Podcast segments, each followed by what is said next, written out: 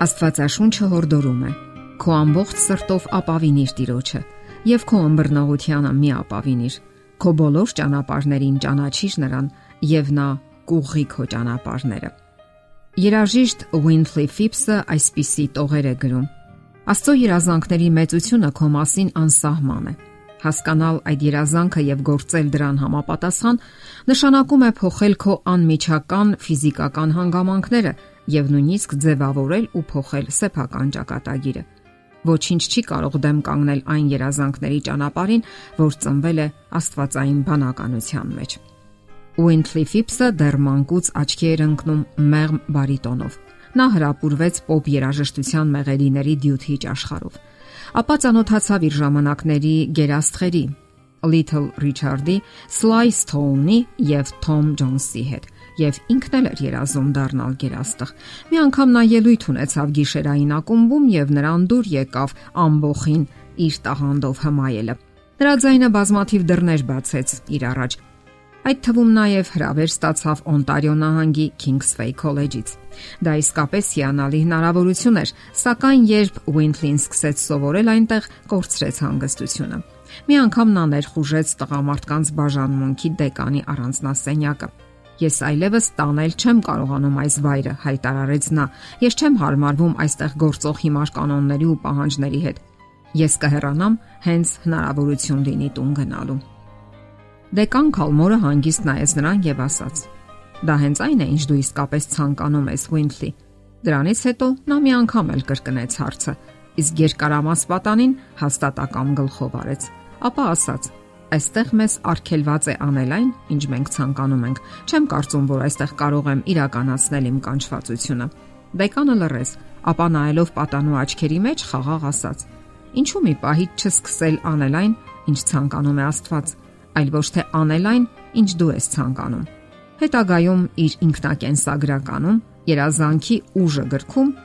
երկիչը գրում է. Ես վնասդաբար զգում էի, որ երբեք չէի կարող բավարարվել, երբեք եւ ոչ մի բանի չեմ կարող պիտանի լինել եւ երբեք չեմ կարող խաղաղություն ունենալ ինչև իմ կյանքը չընթարկեմ Աստծո անհաղթահարելի կամքին։ Եվ այդ երեկո նա իր կյանքը հանձնեց իր նոր ղեկավարին։ Ահա նրա աղոթքը։ Տեր, ինչ էլ որ դու ինձ համար ցանկանաս, ես ընդունում եմ դա։ Իսկ արդյոք սրանով Աստված վերացրեց ռոք երաժշտության աստղ դառնալու երազանքը։ Ոչ,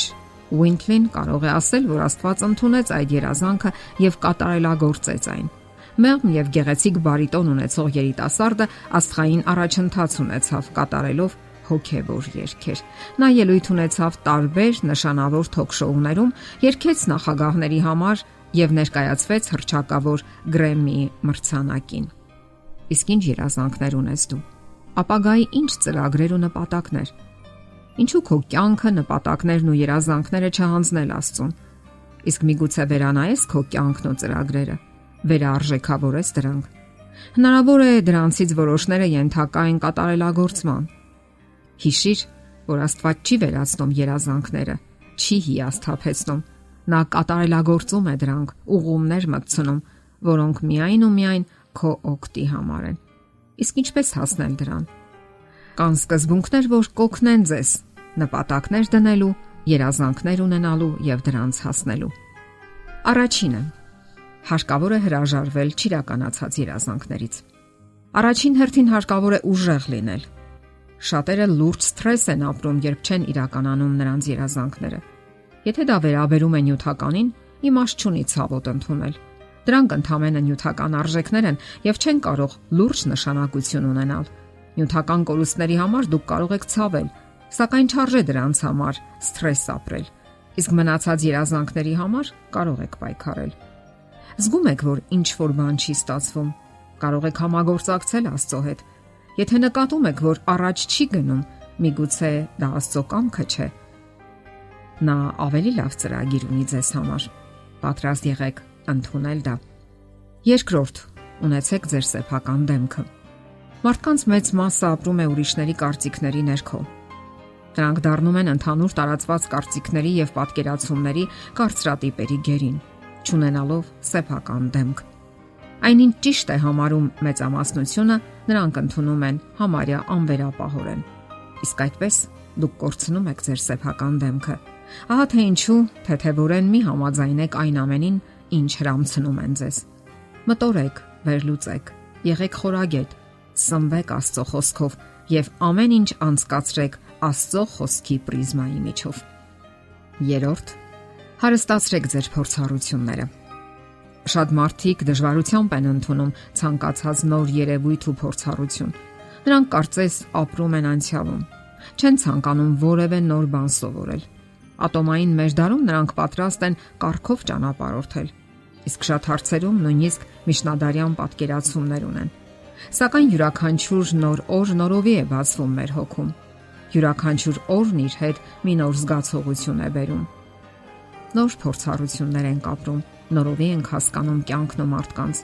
Եթե չընդունենք նորն ու խորհրդավորը, մենք երբեք չենք իրականացնի մեր երազանքները։ Եվ վերջապես,